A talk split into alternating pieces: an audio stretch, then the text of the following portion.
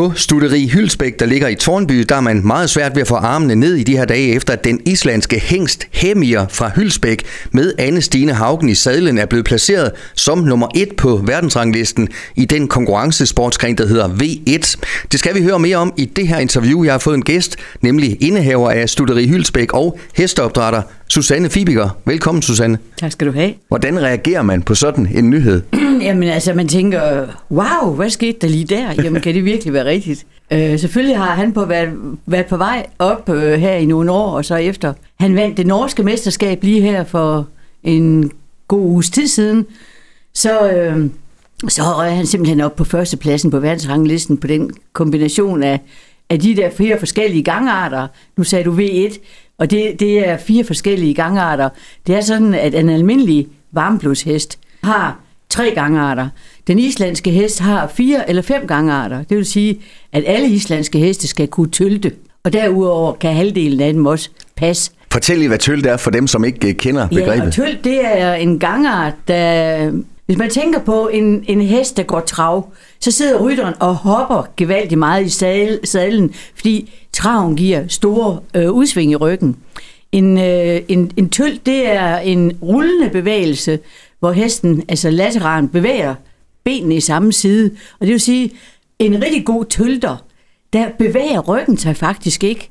Og det er så også derfor på Island, de kan lave rideture med folk, der ikke er særlig rutineret i ridning, fordi hvis du sidder på en islandsk hest, der har en god tylt, så sidder du stille i sadlen. Vi har for eksempel også lidt for sjov sådan en øh, sportsgren, vi kalder øltylt. og det betyder jo, at den, der kommer i mål med sit store ølkrus helt fyldt med øl stadigvæk, har den bedste tølter, fordi der er ikke skvulpet noget udenover. Det er Anne Stine Haugen, der sidder i sadlen på øh, den her islandske hængst øh, Hemir. Øh, hvad er det, det samspil? Øh, hvor godt skal det være, for, de bliver, for, for man kan blive nummer et på verdensranglisten? At man skal jo være en mega, mega god rytter. Og du skal samtidig være en i det her tilfælde en mega, mega god rytter, som er meget skånsom ved hesten, og som ikke på nogen måde prøver at presse den frem. Hun har, hun har med det samme set potentiale lige ham, der var en helt ung, og hun har med vilje næsten skulle holde sig selv tilbage, fordi hun kunne se, at der lå så stort potentiale i ham, at det var svært at, at næsten holde sig tilbage. Men, men for ikke at, at komme til at presse ham, lade det komme fra ham selv, der har hun øh, været tålmodig, og de har et enormt flot samspil. Nu skal det så siges, han har et usædvanligt godt sind, og er meget nem at samarbejdsvilje, øh, samarbejde med.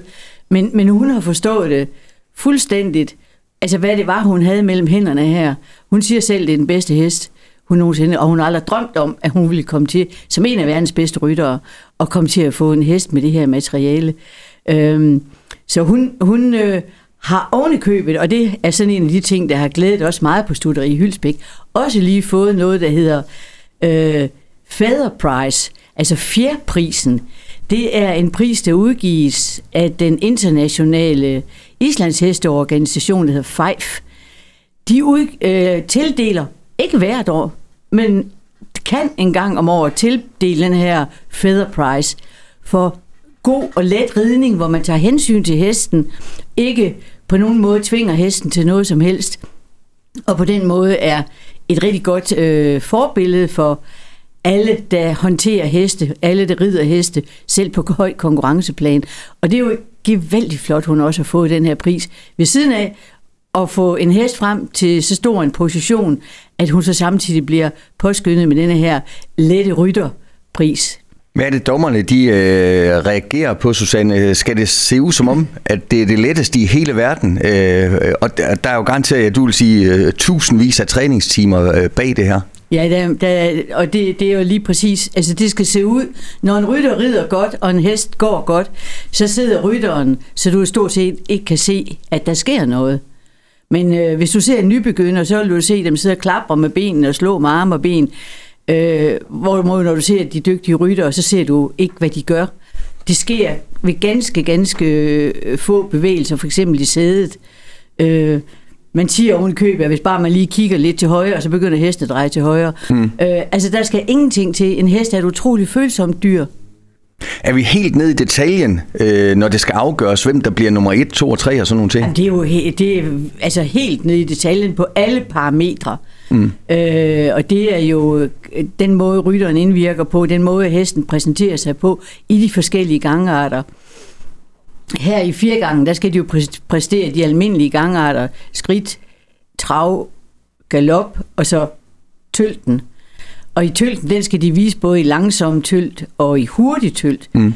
Og øh, der bliver jo, altså det er jo, he- hvordan hesten går, hvordan får rytteren hesten til at gå, det er jo det, der bliver vurderet i hver, hver enkelt øh, tilfælde, når vi taler om konkurrenceridning. Så har vi jo ved siden af, der har vi jo avlskåringer, og der er han jo så også kåret som en af de øh, øh, højst kårede danskavlede hængste med, med, med en kæmpe kåring på 8,66. Altså, hvis du kommer på 8,0, så siger vi, at de er i første klasse. Mm. Øh, og der er ikke mange danske hængste, der er nået så langt. I så ungen alder, han fik Dansk Islands Hesteavls ærespræmie øh, som 6 års. Og da vi først begynder at træne hestene, rigtigt islandske heste først, når de er fem, så, så er det utrolig flot, at han så tidligt også inden for avlen, hvor man jo simpelthen både bedømmer hver eneste detalje omkring, hvordan de ser ud, men også alle deres gangarter. Vi skal høre lidt musik, og så vender jeg tilbage til Susanne Fibiger fra Studeri Hylsbæk i Tornby lige om et øjeblik. Den islandske hængst Hemia fra Studeri Hylsbæk i Tornby er lige nu placeret som nummer et på verdensranglisten i konkurrencesportsgrenen V1. Og mit gæst her i studiet er fortsat indehaver af studeriet og hesteopdrætter Susanne Fibiger. Spørgsmålet det er, hvor tidligt man kan se på en hest, om den kan blive til noget stort. Der er mange heste, hvor du egentlig først kan bedømme deres egentlige øh, kapacitet, når vi begynder at ride på dem. Det kan være svært at se, bare når de render rundt på marken og leger. Men der vil jeg godt nok sige, at Hemir, han skilte sig ud meget, meget tidligt. Mm. Øh, han har en ufatteligt flot bygning og, og, øh, og bevæger sig enormt flot. Og hele den der bygning, han, han har han har med sig fra, skal vi sige, avlens side, fra naturens side, øh, er med til at bære ham frem også som konkurrencehest. Men det er heldigt, vi har ham for. Han var et halvt år gammel, da det var juleaften, og ud i stallen kommer jeg, inden øh, der skal røres i sovsen. Øh, og der ligger han er ved at dø af en kolik. Og jeg får heldigvis en dyrlæge, der stod, jeg står her med to små børn, sagde hun. Øh, men hun kom ud alligevel, og vi fik reddet Hamir. Og øh, det var godt.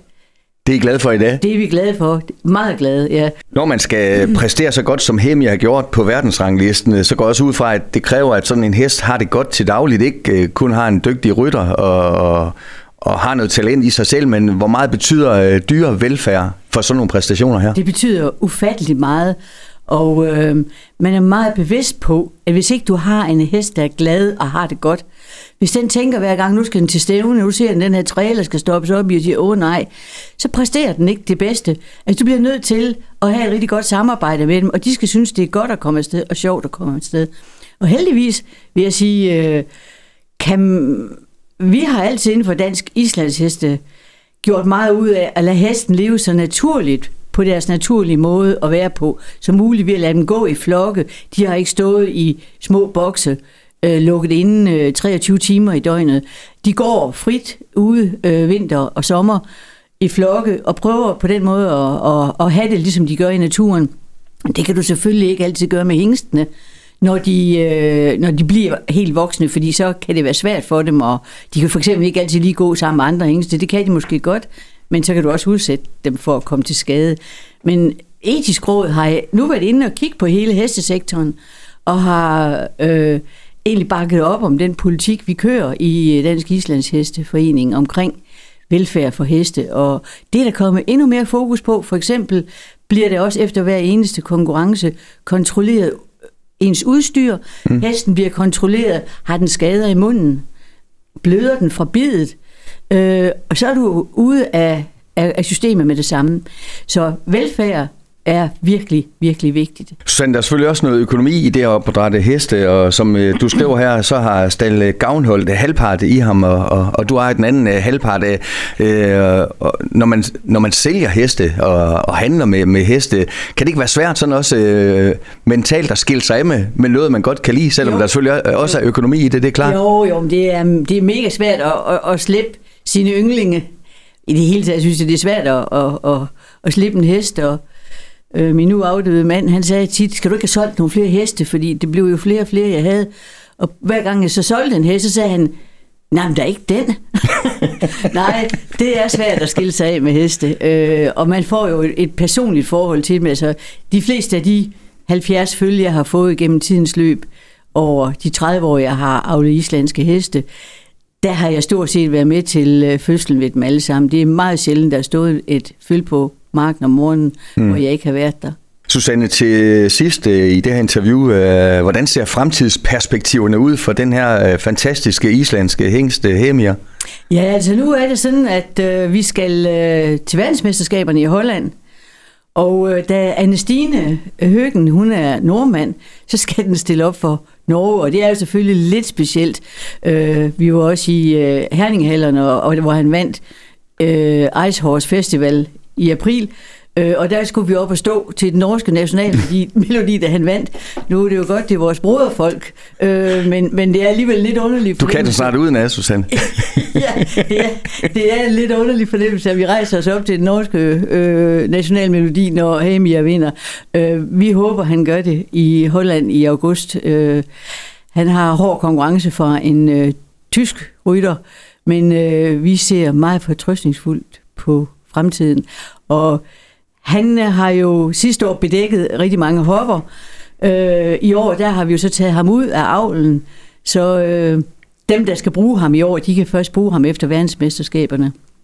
Øh, og der er vi så langt hen i sæsonen, at de fleste hopper, de er færdigbedækket, så mm. han er sådan set i teorien ud af, af avlen i år.